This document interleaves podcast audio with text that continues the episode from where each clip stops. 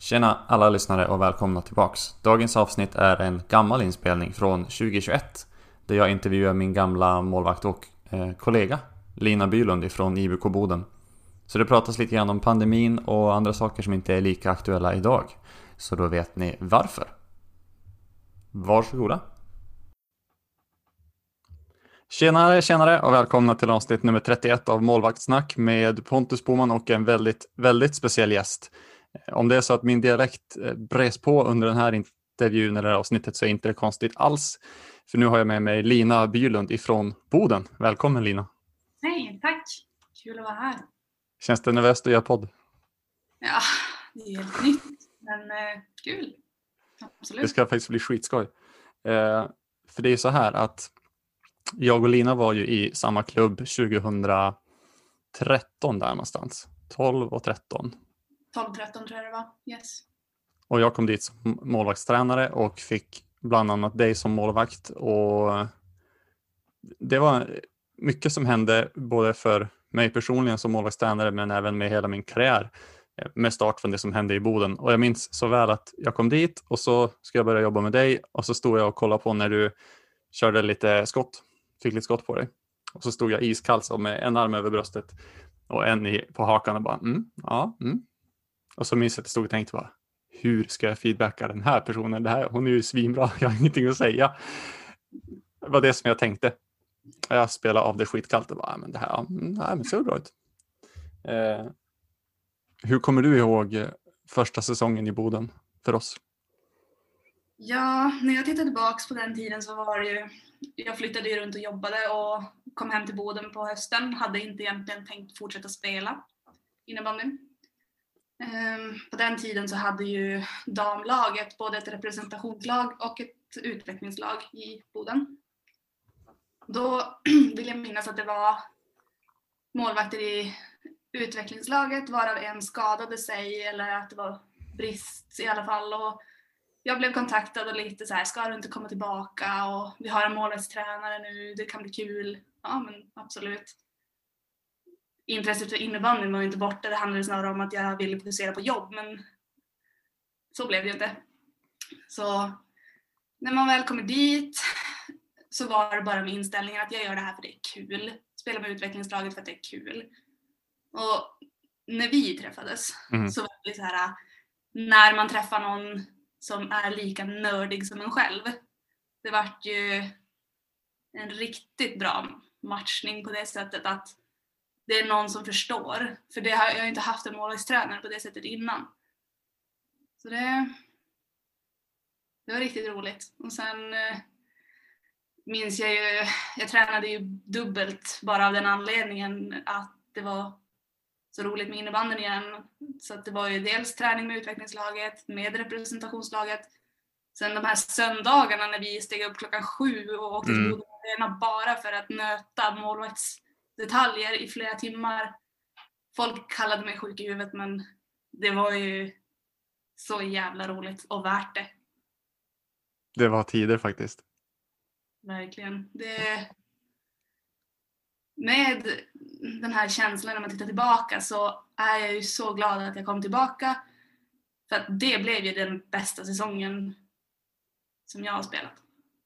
Även om det handlade att vi, vad ska man säga, jag har ju spelat även i division 1 som det som nu är allsvenskan innan det här. Men när jag faktiskt tog steget att bara spela för att det var kul och utvecklas personligen istället så vart det en av de roligaste säsongen. Det slutade ju med ett, ett kval upp till allsvenskan med representationslaget. Det var en väldigt rolig resa. Och eh, jag minns eh, den eh, övningen som, som jag kör med alla mina målvakter idag som kallas för Tornado. Yes. Där man, eh, alla som någonsin har tränat med mig kommer att känna igen det. Då är det alltså att målvakten har en boll, eller två, rullar till mig och jag slår tillbaka någon typ av slice-skott. så man står jättenära och slicear bollen underifrån så kommer en liten lätt lobb. Och så plockar man och rullar tillbaka och så slår jag direkt. Och så ser man hur många gånger man kan slå bollen och hålla den vid liv. Eh, och sen är man uppe på två bollar så att medan du fångar en boll och rullar ut en så kommer det en till och så håller man igång två. Och så. Den börjar ju med dig. Ja. Ingen aning hur den kom till men jag, jag vet att det finns en bild på oss från kvalet i Umeå eh, där jag har en alldeles, alldeles, alldeles för kort klubba och liten overall och står och slår sådana här slicer på dig innan matchen där i Umeå. Jo, nej men det, jag tror att det, den bara kom till i ögonblicket att du skulle testa mig lite, lite så här, hur mycket klarar du av och hur snabbt kan det gå? Och båda triggades av att det här gick ju ganska bra och vi fortsätter så långt det går och sen så vi tar en boll till och så utvecklades den på det sättet. Och personligen är det också någonting som följde med efteråt att den fick igång mig liksom eh, greppmässigt, ögon, blick, bollen, liksom allt. Det, den har hängt med den också. Ja, den har varit fundamental för min karriär efter också.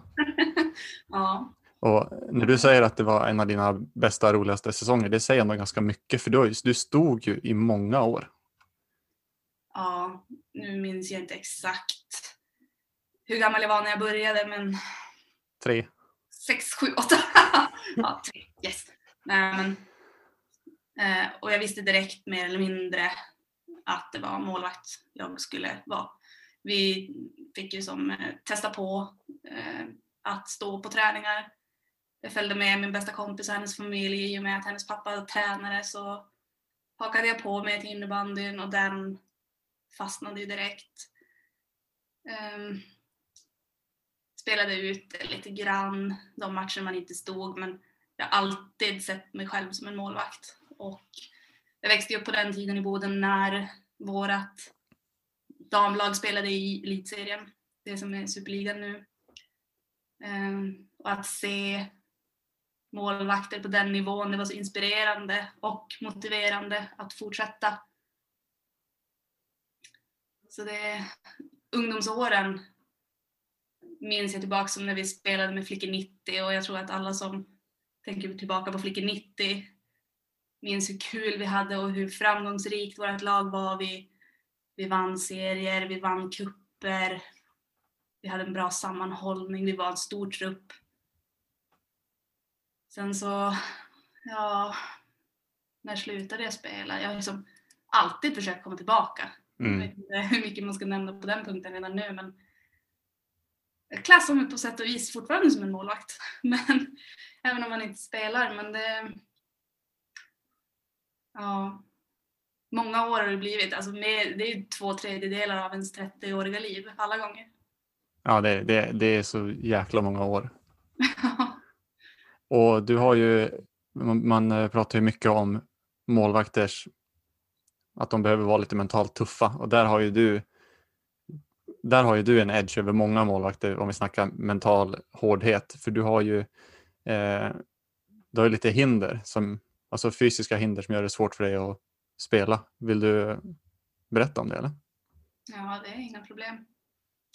Jag har väl alltid varit väldigt orädd som målvakt. Uh, inte på något sätt rädd att gå in i närkamper för att vinna bollen eller knuffas och gruffas framför mål. Um, och säsongen efter vi träffades så fortsatte jag ju spela och började känna en så konstig ond känsla i hela kroppen som spred sig från att det gjorde ont i händerna när jag tog ett skott. Har aldrig haft problem med smärta. Jag spelade utan handskar hela livet också. Bara sett dem som onödiga och i vägen. Sen spred sig smärtan upp i axlar, rygg, nacke till slut var det hela kroppen och det var en skärande smärta. Jag provade vila och ja, men, jag testade väl det mesta, akupunktur och sjukgymnastik. Och, eh, det tog, eh, det gick inte över så hela säsongen kändes ju som påverkad smärtmässigt och sen eh, tog jag väl beslutet att det här går inte, jag behöver jag är förslitningsskadad. Tänkte liksom, det, här, det, det kommer inte fortsätta. Jag måste hålla hela yrkeslivet så jag får lägga innebandyn åt sidan. Eh, visar sig sedan, något år senare, att jag har en reumatisk diagnos. Tar lite tid för den att synas på blodprover och så vidare. Röntgenbilder Men eh, det handlar ju då om kroniska inflammationer i och runt mina muskelfästen och leder. Så det var en, så här, ja, men en polett som trillade ner att men det är klart det gör ont. Hur får jag det att sluta? Går till en reumatolog och inser då att det är kommer inte att sluta. Det, det här är någonting man får leva med. Och i kontrast till vem man var då så det är klart det påverkar ju en väldigt påtagligt att okej, okay, det jag älskar mest av allt i hela livet, det fungerar inte längre. Det påverkade även yrkeslivet.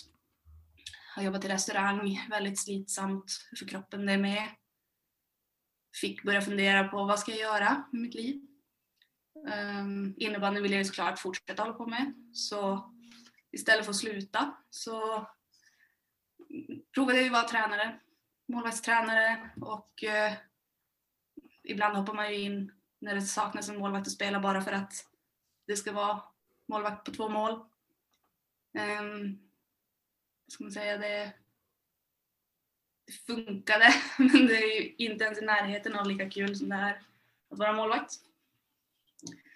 Speciellt tråkigt eftersom det var precis efter den säsongen när jag fick min nytändning och eh, väldigt mycket fokus på om jag bara jobbar med det här, hur bra kan jag då bli? Hur långt kan jag gå? Jag hade ju inga egentligen planer på att sikta högre än där jag var men det tändes ändå någon form av gnista där i och med att jag fick en målvaktstränare och såg min egen utveckling på den säsongen att shit, det här kan ju bli jättebra. Men det blev inte så. Med facit i hand.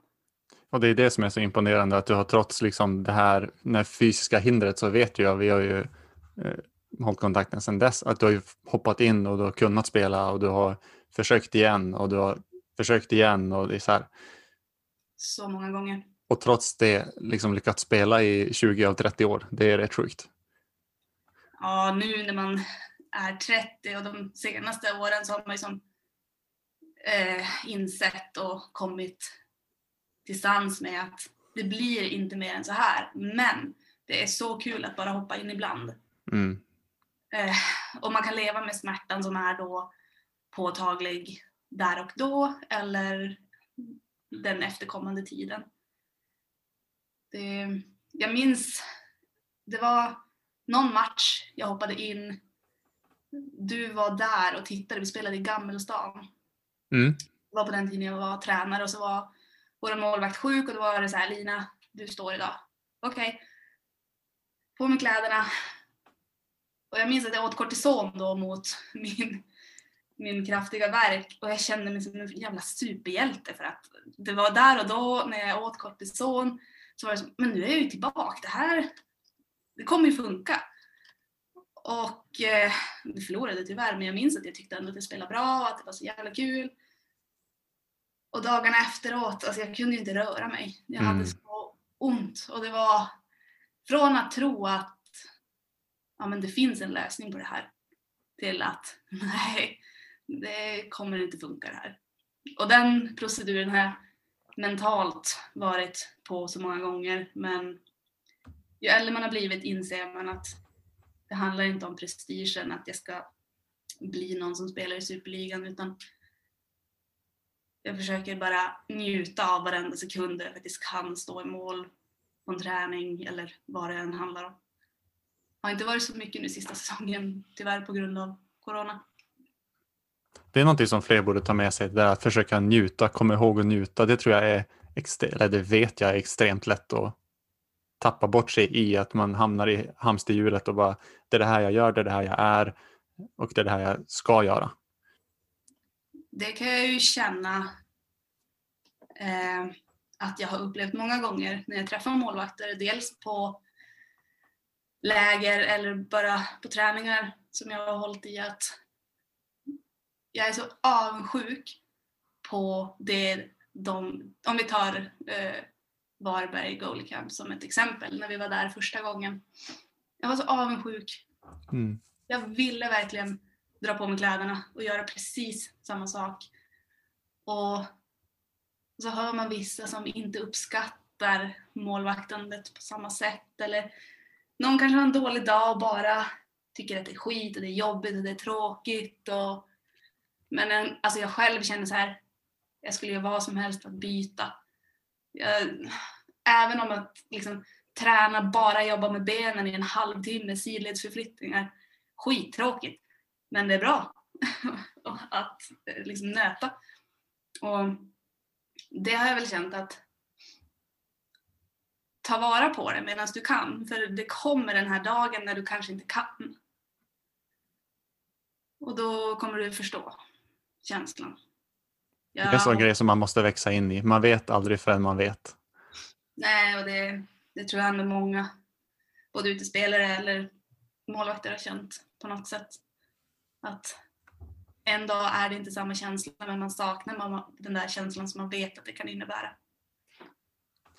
Vi åkte ju till, eh, på tal om det, till Varberg Goalie Camp december 2014. Ja, en ja. Eh, riktigt sjuk roadtrip från, för din del från Boden hela vägen till Varberg och för mig då från Skelleftehamn. Jag får att du körde hela vägen till Skelleftehamn eller var det i stan? Nej, jag kom hem till föräldrarna där. Ja.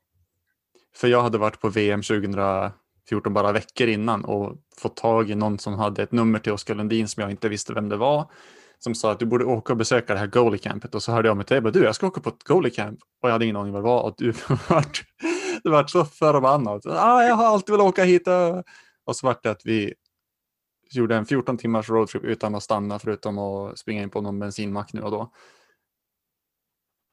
Körde hela vägen ner till Varberg, var med där och bara nu måste vi starta goalie camp i Norrbotten. Mm. För vi hade ju snackat om det, vi försökte styra upp någonting och hur gör man och hur ska passen se ut och hur eh, och sen när man kom dit så såg man de här gubbarna har ju facit. Här har vi strukturen. Mm. De hjälpte sen till och, eh, så att vi kunde starta målvaktsfokus goalie camp det allra första våren 2015. Eh, magiska tider. Det är också få som jag har så många inside-skämt med som dig. Det är typ Tom från Pite och min sambo. Eh, och många av dem uppstod ju på den där roadtrippen vill jag minnas. Ja, oh, gud ja. Full frys. Full frys är... Plant. Plant. Och de som inte har, okej, okay.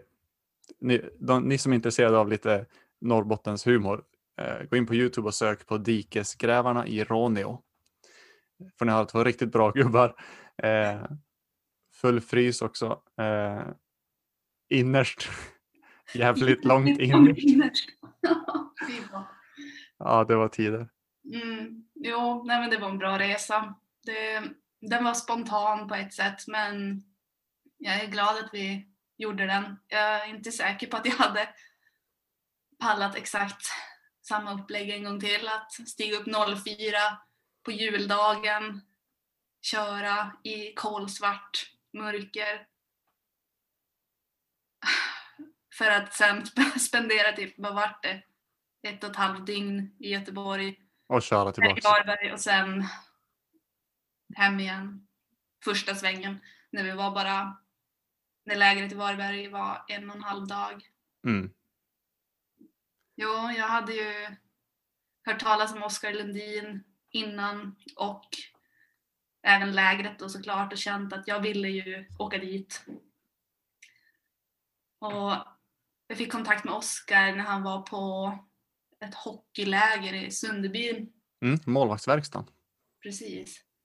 Skrev till honom på Instagram lite med så här, ja men vi får se om han ens svarar. Så han gjorde ju det och jag fick chans att träffa honom för att ställa alla möjliga frågor som jag hade på den tiden och tog med mig det och jobbade med det inför den där säsongen då efter du och jag hade träffats under sommarträningen. Och sen då när du säger att du har fått kontakt med han och att du ska iväg, då vart det så här, jag ska med. Mm. Absolut. Jag skiter i om det är mitt i julen. Jag tänker inte gå miste om det här. Och det är jag glad att vi gjorde för oss båda. Ja. Och sen dess har vi ju fortsatt, eh, alltså utan den resan så hade inte, sannolikt i alla fall inte målvaktsfokus goalie camp blivit någonting. Nej, vi lärde oss ju mycket. Sen vi var väldigt planerade in i minsta detalj på mm. våra det var det. det var det. Det var ju till och med någonting som vi fick positiv feedback för. Um, Så att vi lärde oss någonting och vi tog med det hem och genomförde någonting som jag tror vi båda är väldigt stolta över. Extremt. Och jag minns att den nivån av detalj, alltså vi planerade varenda övning i hela, hela helgen då, som, som vi skulle använda under helgen och minns att jag provade att stå i mål alla övningar.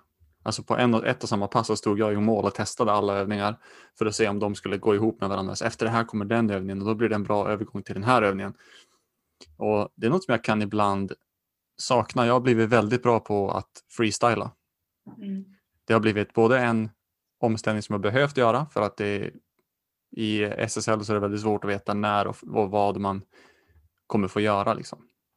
Hur mycket tid man kommer få. Så jag har blivit van att ta saker på volley och hållit många utbildningar. Så då kör jag det på volley och det blir bra och så tänker jag att hade jag planerat 5-10 minuter extra då hade det blivit ja, så farligt det där att halka in och bli bekväm.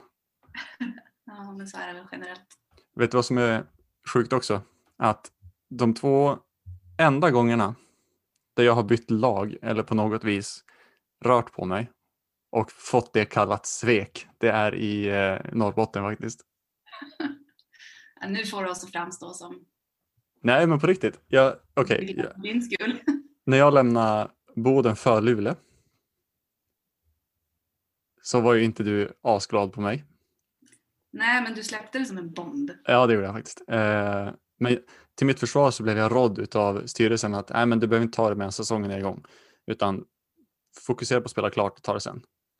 Och så var jag ju ganska grön i kläderna, så jag bara okej, okay, jag gör som ni säger, jag, jag väntar med det. Eh, fick dödsblicken av dig sen efter avslutningen där i arenan. Eh, och sen när jag och Joel pratade om den lilla resan vi hade i IBK Luleå, så sen svek du mig. Sen övergav du mig. Ja. jag hade stark igenkänning på när Joel tog upp just det. Så jag undrar lite så här, är det så i Norrbotten? Det är svek att byta klubb? Eller var det bara jag? Nej, gud, det skulle jag absolut inte säga. Jag har sagt det till många av de målvakter jag känner att man växer som person och målvakt att se sig omkring. Jag har själv gjort det. Eh, I Norrbotten har jag spelat för Boden, Sävast och Luleå. Så att kommer liksom ett erbjudande om att byta förening av rätt anledning så uppmanar jag självklart till det. Sveket i det här fallet mellan dig och mig, det var ju liksom snarare att här trodde jag att vi precis hade påbörjat en lång resa. Yes. Så vart det inte så. Men eh, jag har ju alltid varit glad för din skull och pushat dig i det du har Det har du absolut. Du har varit med från day one så det är inga konstigheter. Det var med glimten i ögat men det var hårt där och då, absolut. För att just den här äh, kopplingen eller kemin kring hur nördiga du och jag kunde vara mm. det var så unikt för mig. Jag tror Joel upplevde samma att här har vi en unik kontakt och så går man miste om den för att Norrbotten kanske inte är attraktivt på så sätt och det är väl många av våra spelare lockas ju söderut, eh, Ume och ännu mer söderut för att spela riktig innebandy inom situationstecken. Tyvärr så man vill ju gärna behålla dem. Det är, det är samma det här när jag träffade Evelina första gången. Så var det samma typ av klick där att åh, hon brinner för innebandyn. Både målvakter och utespelare och jag hoppas vi får behålla henne. Um, nu är hon ju i förbundet delvis jättebra. Uh, jag var tränare med henne i Luleå en kort sväng men det hände ju så mycket i livet på den tiden så att jag hann inte jobba så mycket med henne som jag kanske hade velat. Men jag är verkligen jätteglad att jag har träffat henne och dig liksom, under den här tiden. Och hon fick man inte heller hålla kvar för hon åkte till Mora. Delvis. Delvis till Mora, absolut. ja. Nej, men hon är kvar i Norrbottens innebandyförbund i alla fall. Ja, det är viktigt. Mm. Men sen får vi se nu hur hårt Mora sätter klorna i. Det är det som är med sådana som brinner för saker att när man kommer till ställen där det finns resurser och de märker att här har vi någonting det är ibland svårt att få loss dem. Kolla på mig, jag skulle vara i Göteborg en liten stund. Jag har bott där sedan 2015 nu. Nu är det Ja, 2021. precis. Om två månader så är det sex år sedan. Herregud. Ja, det är löjligt, det är helt sjukt. Men på tal om innebandyn i Norrbotten. Hur skulle du beskriva innebandyn i Norrbotten? Nivån på den och utbredningen av den och Det är egentligen svårt att uttala sig. Jag tror att hela innebandy Sverige har en bild av att Norrbottens innebandy är en svagare punkt kanske, men vi har samtidigt många namn här. Stora namn som har börjat här och gått vidare. Så att det finns absolut, vad ska man säga, vi har, vi har haft många bra tränare, vi har haft många bra spelare. Men den, den blicken man har är ju, jag minns på den tiden jag spelade med Flickor 90, alltså när vi åkte iväg till typ Övik och spelade, då var vi kännetecknade som att vi var fysiskt starka. Kanske inte så tekniskt. Nu är det så länge sedan och jag... Men vi stack ut och vi, vi vann ju de kupperna. Men med åren så tror jag på något sätt att vi har hamnat efter både i det fysiska och i det tekniska. Tyvärr. Jag kan inte sätta fingret på vad det beror på. Men jag tror att när det kommer möjligheter så är det stor risk att de som brinner för innebandyn tar sitt pick och pack och lämnar. Vi har ju NIU i Luleå. Jag är inte så insatt i kvaliteten där men RIG i Umeå är väl det som lockar många av dem som i gymnasieålder som letar sig härifrån och klubbar.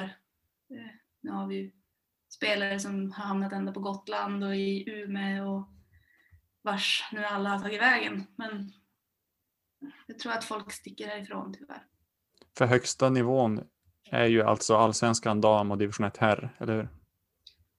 Ja, herrsidan har jag mindre koll på, men det är nog så. Vi har ju Luleå som spelar i allsvenskan, men den här säsongen har jag ju som inte alls hängt med på hur den delen av Norrbottens innebandy ser ut i och med att säsongen har varit som den har varit. Men vi har väl allt, sen Boden åkte ur elitserien så har det som varit, och det är ju också länge sedan nu, men det har alltid funnits en tanke om att vi ska tillbaka. Och vi spelade i division 1 eller allsvenskan, har åkt ut därifrån, men då har det funnits lag på andra ställen i Norrbotten som har lyckats eh, kvala upp till allsvenskan och spela där. Men det är mycket jojo-åkande. Man tar sig in, man spelar säsong, man åker ut. Istället för att bibehålla. Och innebandyn i Norrbotten är ju väldigt, det är ju långa avstånd.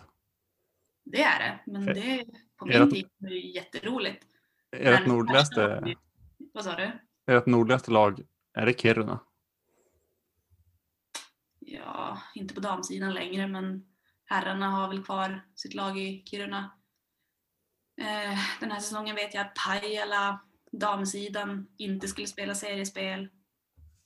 Men på grund av corona eller? Nej, på grund av brist skulle jag säga, för de skulle delta vid DM-matcher, men inte i själva seriespelet. För Pajala har väl alltid varit bra? Alltså även efter att, före och efter jag var där. Det har de. Det har varit vassa spelare. Um, sen Kalix har ju också alltid varit bra. Mycket rivalitet mellan Boden och Kalix. Så Boden, Kalix, Pajala, Luleå. Det är ju som lag som har varit i allsvenskan. Och när vi säger Luleå så räknar vi inte Notviken till Luleå trots att det ligger i närheten. Eller? Ja, jo, men det gör ju. Nordviken är ju en del av Luleå. Så att den föreningen var ju också i, i högre serie. Men inte nu? Eller?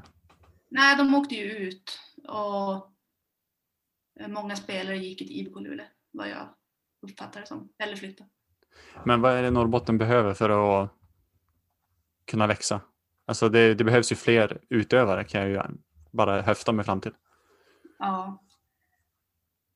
Ja, framför allt eh, det vi försöker tänka på nu eftersom jag sitter i styrelsen i Boden så pratar vi liksom att vi måste ju börja bygga grunden igen. Vi behöver fler som utövar sporten för att det, av de äldre så slutar ju fler och fler hela tiden och det går inte att flytta upp några yngre spelare till um, som i Boden, vi har ett damlag och vi har ett flickor 07 där kring. Glappet är så stort mellan dem att det inte bara är att flytta upp till damlaget för att fylla på utan vi behöver fler, främst tjejer, varje årskull som utövar idrotten. Um, men för att kunna göra det så behöver vi ju också fler människor som engagerar sig kring föreningslivet skulle jag säga. Det finns kanske hur många barn som helst som vill spela. Men vi börjar ha, lida brist på ledare. Och ja, Bör, börja lida brist på ledare? Det måste ju alltid ha varit. För när jag var där då var det minsann brist på ledare. Du, då gjorde du och jag, du, när du har, så länge du har varit ledare i eh, Boden och när jag var det, då gjorde ju få människor allt. Och nu är det färre. Som gör mer än allt. Ja, precis. Jag tycker ändå på den tiden så var det gott om folk. Ja, okej. Okay. Faktiskt. Men, eh, men just nu så, så märker vi väl det att det, det är brist på ledare. Det är brist på tränare, det är brist på styrelse, engagerade människor och bara folket som cirkulerar kring själva idrotten. Det är väl det man känner personligen att för att innebandyn ska finnas kvar i Boden, då kan jag bara tala för, så försöker man ställa upp på många olika positioner och det blir som att man gör man är på många ställen men istället för att göra bra ifrån sig på ett eller få områden så blir det som att tiden räcker ju inte till att kunna rodda i allt. Och man märker att det kommer lite, lite så här ja men lös det. Eh, från vissa håll och kanter att ja men det är väl bara att eh, starta ett till lag. Ja, Mm. Men mm. för att kunna göra det så behöver vi engagerade ledare. Ja, men fixa det då. Mm. Ja, jag kan inte ta på mig det också. För att det är nog. Och så tar man föräldrar och så gör ju de så gott de kan, vilket alla förbund alltid är supertacksamma för och föreningar. Men föräldraledare tar ju en förening bara så långt, så att säga. Absolut, men det är ett bra första steg tänker jag för att det har vi försökt pusha för i år. Att vi utbildar alla som vill på något sätt ta ett kliv in i en ledarroll eller eh, både som tränare eller som lagledare. Så man behöver inte kunna innebandy men bara man har ett intresse i att okej, okay, om mitt barn lika ska spela och jag ska skjutsa till och från träningar så kanske man kan ställa upp på någonting ett delat ansvar på något sätt. Få in dem i föreningen och för att det slutar ju folk varje år som har varit med under en längre tid och det börjar som inte finnas någon att ringa snart längre. Att vi behöver tränare, vi behöver, och för att starta fler lag så behöver vi först och främst någon som håller i träningarna och vem ska göra det när vi själva inte räcker till. Och, så att absolut, föräldrar är ändå första steget. Sen ju äldre, för att i ungdomsåren så handlar det ju liksom till att börja med bara att ha kul innan man ska börja tänka Exakt. på det. Innan man ska börja tänka på det här äh, tävlingsstadiet eller vad man ska säga. Och känner man då där att nej, men nu börjar min kompetens att inte räcka. Så alltså, man kan alltid utbilda sig och försöka ta del av andra och lära sig den vägen. Men jag vet inte riktigt om det är någonting. Jag tror ändå att många föreningar här i Norge känner samma sak men jag kan ju mest tala för hur vi har resonerat i vår förening den här säsongen och förra. Ja, vi får hoppas att det fortsätter att ta liv där i Norrbotten för det, det är ett stort län. Det finns mycket folk. Det borde kunna gå att eh, tända lite extra liv i innebandyn där uppe. Och samtidigt som det är en, en organisatorisk fråga, vi snackar förbund, vi snackar eh, ordföranden och sådana saker, så är det ju nere på individnivå som det också behöver, alltså, behövs engageras. Sen hur man gör det, det är en väldigt svår fråga såklart. Och med den så tar vi en liten paus och är alldeles strax tillbaks. Och där var vi tillbaka med Lina. Eh, vi pratade om det här i ett tidigare avsnitt som inte har släppts än. Nu när vi spelar in det här så har det inte släppts än. När ni, nu när ni lyssnar så kanske det har släppts. Vi pratar om, eh, vi pratade om släppta nollor, eller inte släppta nollor utan hållna nollor i SSL. Eh, och så kom vi fram till att det har spelats 187 matcher den här säsongen. Vet du hur många nollor det har varit av 187 matcher? På Jag har väl generellt hört att det görs mer mål. Så att... En, två, tre, jag vet inte. Sex nollor faktiskt på damsidan. Ja. Eh, jag skrev till och med upp här, det är Cornelia Palmer hållit en nolla. Boden spelare i grund och botten. Jajamän, hon tränade ja, när hon var 12 och hon stod i mål någon extra träning med damlaget och så minns jag att Moa Ulven drog något riktigt slagskott och Cornelia räddade med handen och det small. Och så frågar man. Cornelia är gjord av sten. Ja, det är hon. Alltså... Jag frågar, gjorde det ont? Nej, det var kul. Okej. Eh, Lara har hållit en nolla. Eh, Matilda Virti har hållit en nolla. Finlands landslagsmålis Tiltu Siltanen har hållit en nolla i Malmö. Rosén i Malmö hållit en nolla och Steffi Dahlbjer i Nacka hållit en nolla. Så sex stycken. Eh, Sen har vi herrarna, också 187 omgångar. Eh, inte, inte 187 omgångar, 26 omgångar och 187 matcher. Hur många nollor tror du vi har där? Fyra. En. En, ja. Jag visste att det var en någonstans. Ja. Gustav Jansson i Jönköping höll nolla mot Höllviken, 2-0. Eh, så då undrar man ju så här, hur många nollor kan du komma ihåg att du har hållit? Ganska många. Det är så? Oj. Nej, men, men jag är inte kaxig, men. Ja, men jag, jag tycker att du har rätt att vara kaxig lite ibland så här. Jag har ändå ganska många minnen av när jag har hållit nollan, men den som är absolut starkast och helt sjuk var ju den säsongen vi träffades och jag spelade kval mm. hemma på Boden Arena med representationslaget och mot ett Umeå-lag mot ett Umeå-lag med 33 skott på mig. Och vi vinner med 1-0. Det är sanslöst faktiskt. In den där jävla ett backhand-skott. Hon skenar från backposition upp och på något sätt får in den. Jag tror ingen direkt förstår vad som hände men eh, det var den sjukaste känslan jag någonsin har upplevt. Sen slutsignalen går och jag inser att vi vann med 1-0. Jag har hållit nollan. Jag utsatts för väldigt många situationer under den här matchen som hade absolut kunnat resultera i mål. Jag tror jag aldrig haft stolpar och ribba på min sida. Så som det minns jag också nu när du säger det. Jag minns något skott från din högerficka som bara rang i. eh, och får ut i vänstra hörnan. Alltså shit. Nej, men det, det är en sån där känsla som jag fortfarande kan ligga och tänka på på nätterna när man inte kan sova. När man tänker tillbaks på innebandyn att jag fick åtminstone uppleva det.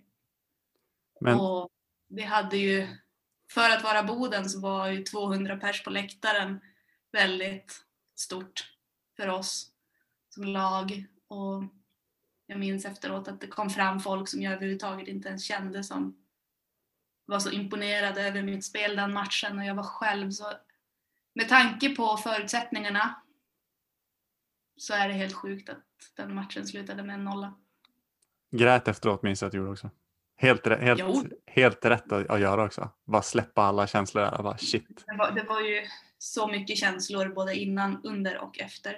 Jag var där. Jag tog kort på när du kramade andra målvakten. Mm. Var det nattis? Nathalie... Nej, vakten i den matchen blev ju Cornelia. Jaha. Mm, men jag tror jag vet vilken eh, match du syftar på där. Det Okej. finns kort på mig och Nattis också efter en vinst. Men eh, det blev ju ganska hastigt upplägg inför den matchen att jag skulle stå. Och sen så fick vi ju ta in Cornelia som reserv också med kort varsel att finnas där. Men sen vet jag inte riktigt. Det var det var som sjuk stämning i omklädningsrummet innan den matchen. Alla satt typ och vibrerade på bänkarna av nervositet och vår tränare Mats kommer in och bara så här, men andas. Och då var det som att alla så här, tog djupa andetag och kom till någon slags stämning. Sen, det, det var som, den dagen, det var bara menat att det skulle gå bra. Alltså för att allting, jag och mina rutiner innan matchen, det fungerade bra. Men ja, många skott på mig, men även i ribba och stolpe. Och motståndarna måste ha varit goda frustrerade för att det, ja, de hade många chanser. Men den nollan är utan tvekan den starkaste jag minns. Skulle du säga att du har hållit eh, 10 nollor?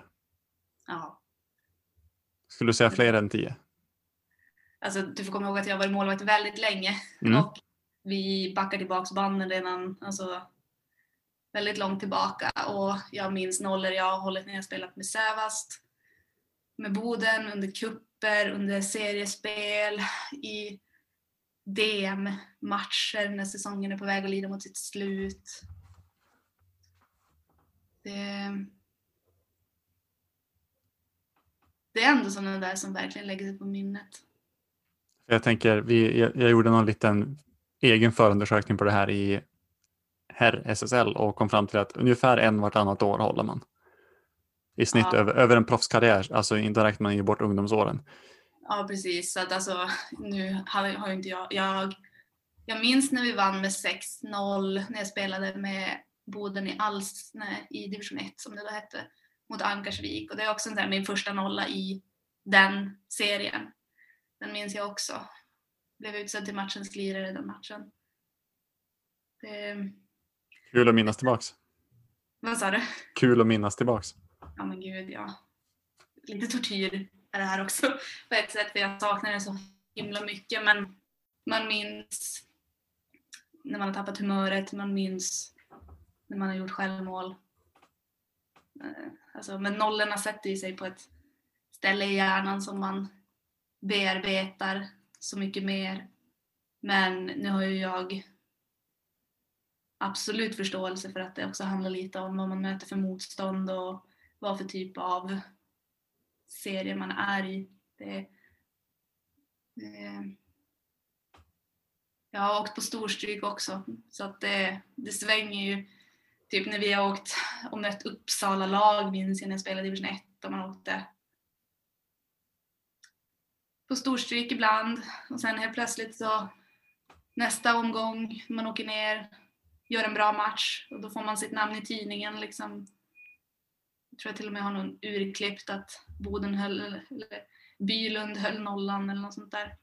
Så, Mm. utan att vara för kaxig så finns det ändå många minnen från när man har hållit nollan. Kul.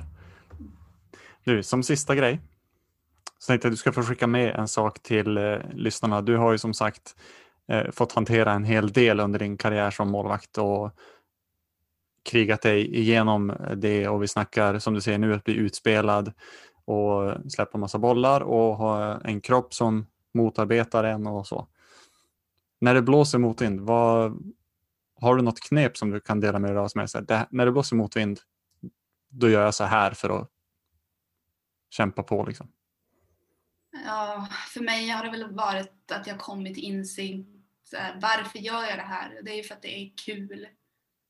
Ens kärlek till sporten har liksom alltid drivit en. Och är det en stund och det är, om jag nu ska säga till mig själv och mina smärtor i kroppen, är jag inne i ett skov, som det heter, så får jag sänka ribban att okej, det kanske inte går nu, men det kanske går sen.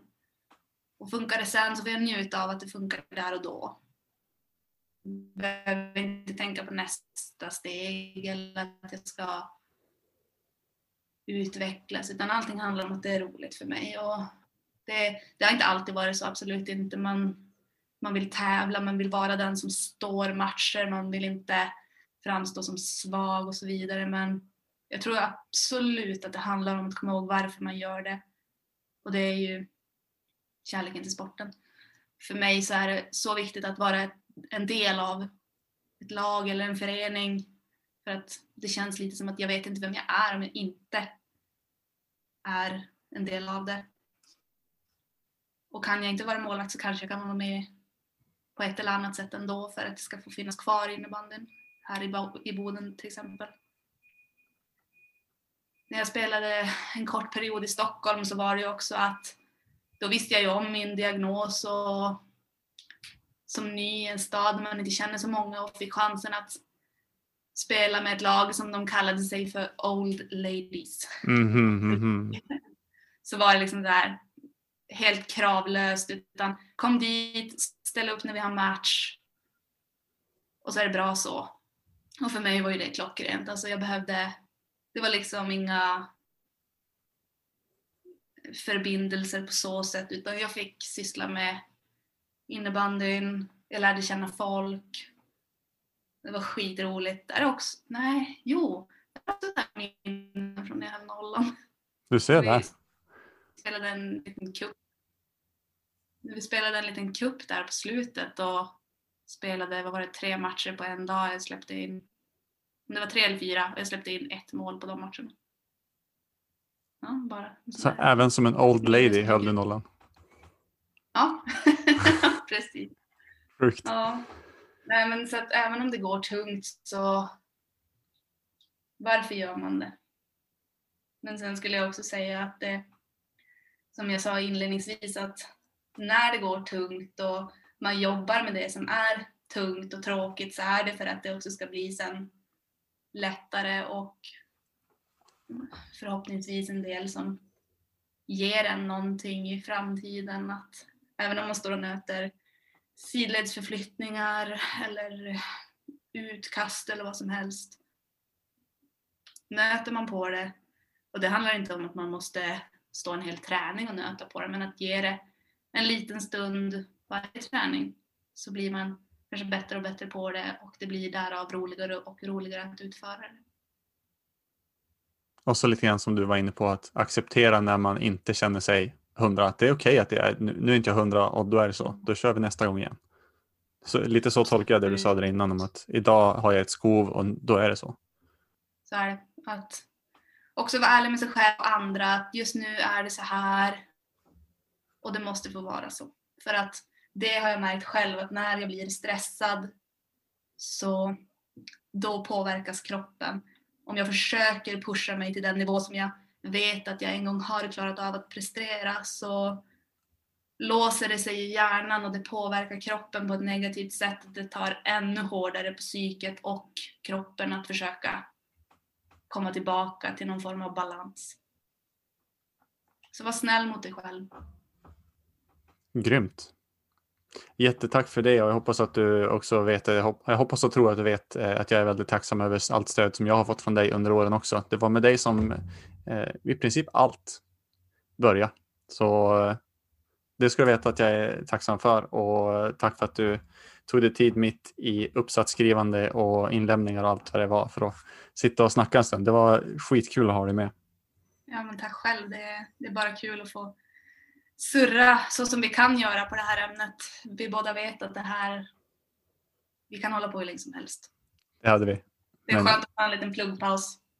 Precis. Och hade vi snackat mycket längre då hade jag anlitat någon för att göra redigeringen för då hade det tagit.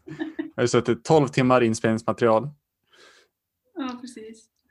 Nej, så tack så mycket för idag alla som eh, lyssnar. Eh, tack såklart till er också.